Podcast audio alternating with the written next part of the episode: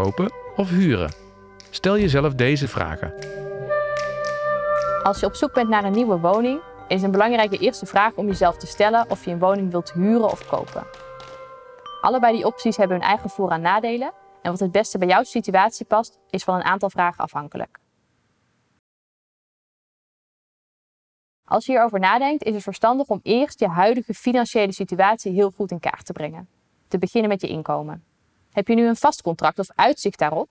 Dan is het verstandig om goed in kaart te brengen wat jouw vaste salaris precies is en wat voor extra's daar misschien nog bij komen.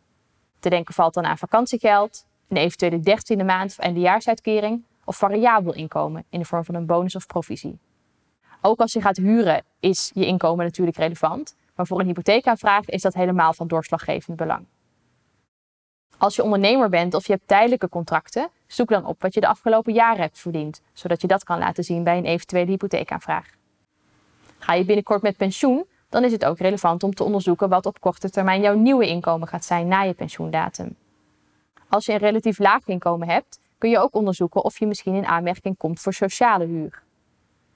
Het probleem daarbij is dat je natuurlijk vaak heel lang moet zijn ingeschreven bij de gemeente waar je een woning wilt huren. Maar als dat een mogelijkheid is, is dat wel een optie om met lage woonlasten te sparen, om bijvoorbeeld in de toekomst een woning te kunnen kopen. Breng daarnaast ook in kaart wat je schulden of andere financiële verplichtingen zijn. Te denken valt dan aan de schulden die in BKR staan geregistreerd, maar ook een studieschuld die je aan het terugbetalen bent of waarvan je dat op korte termijn gaat doen. Dit is natuurlijk belangrijk bij een eventuele hypotheekaanvraag, maar ook voor je eigen budgettering. Wat komt er binnen aan inkomen? Hoe stabiel is dat? Wat moet ik daarvan betalen aan schulden en financiële verplichtingen, maar ook aan andere uitgaven, zoals boodschappen en vaste lasten? Op die manier kun je ook voor jezelf vaststellen wat een prettige woonlast is. Hoeveel wil je per maand kwijt zijn aan huur of aan hypotheek? Als je een hypotheek hebt, dan gaat een deel van je maandlast naar aflossing. Dus dat is een vorm van vermogensopbouw, maar je hebt ook extra kosten. Dat kunnen bijvoorbeeld verzekeringen zijn die je moet hebben als woningeigenaar of een bijdrage aan de vereniging van eigenaren. Houd hierbij ook rekening met andere financiële doelen die je hebt, behalve wonen. Misschien wil je ook sparen voor een wereldreis, voor studie van kinderen of voor andere doelen. Maak tot slot een goed overzicht van de hoeveelheid spaargeld die je hebt en hoeveel je daarvan kan besteden voor de aankoop of de huur van een huis. Bij de huur van een huis moet je vaak een borg vooruit betalen en bij de koop van een huis heb je meestal flinke bijkomende kosten.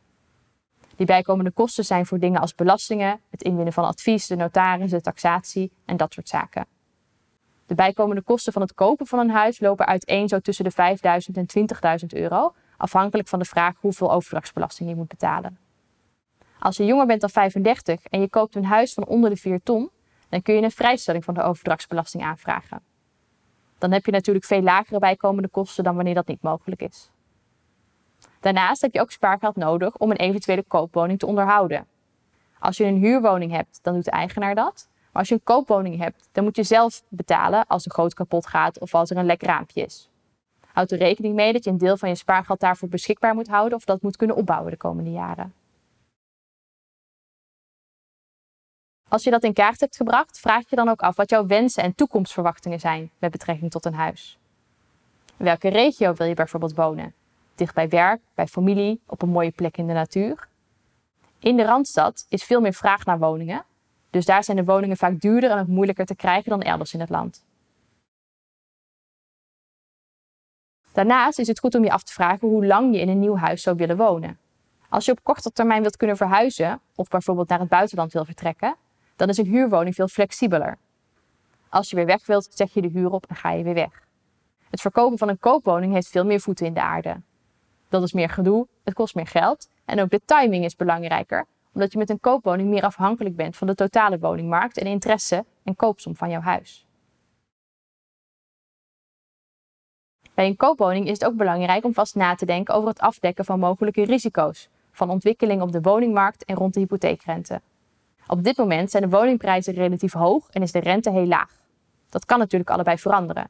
Bedenk daarom vast van tevoren of het mogelijk is en wenselijk om jouw hypotheekrente misschien lang vast te zetten, zodat je niet met schommelingen wordt geconfronteerd in je maandlasten als de rente zou gaan stijgen. Als de woningprijzen zouden dalen, is het belangrijk dat je niet gedwongen bent om je huis te verkopen. Koop dus een huis waarmee je schommeling op de woningmarkt desnoods een tijdje kan uitzingen. Doordat je misschien wat kan aanbouwen of dat het groot genoeg is voor bijvoorbeeld een gezin of een thuiswerkplek. Dit zijn allemaal overwegingen en vragen om jezelf te stellen als je je afvraagt of je het beste een woning kan gaan huren of kopen. Wil je meer weten hierover? Schrijf je dan in voor ons webinar Woning kopen. Kijk op visie.nl of maak een afspraak met een van onze hypotheekadviseurs.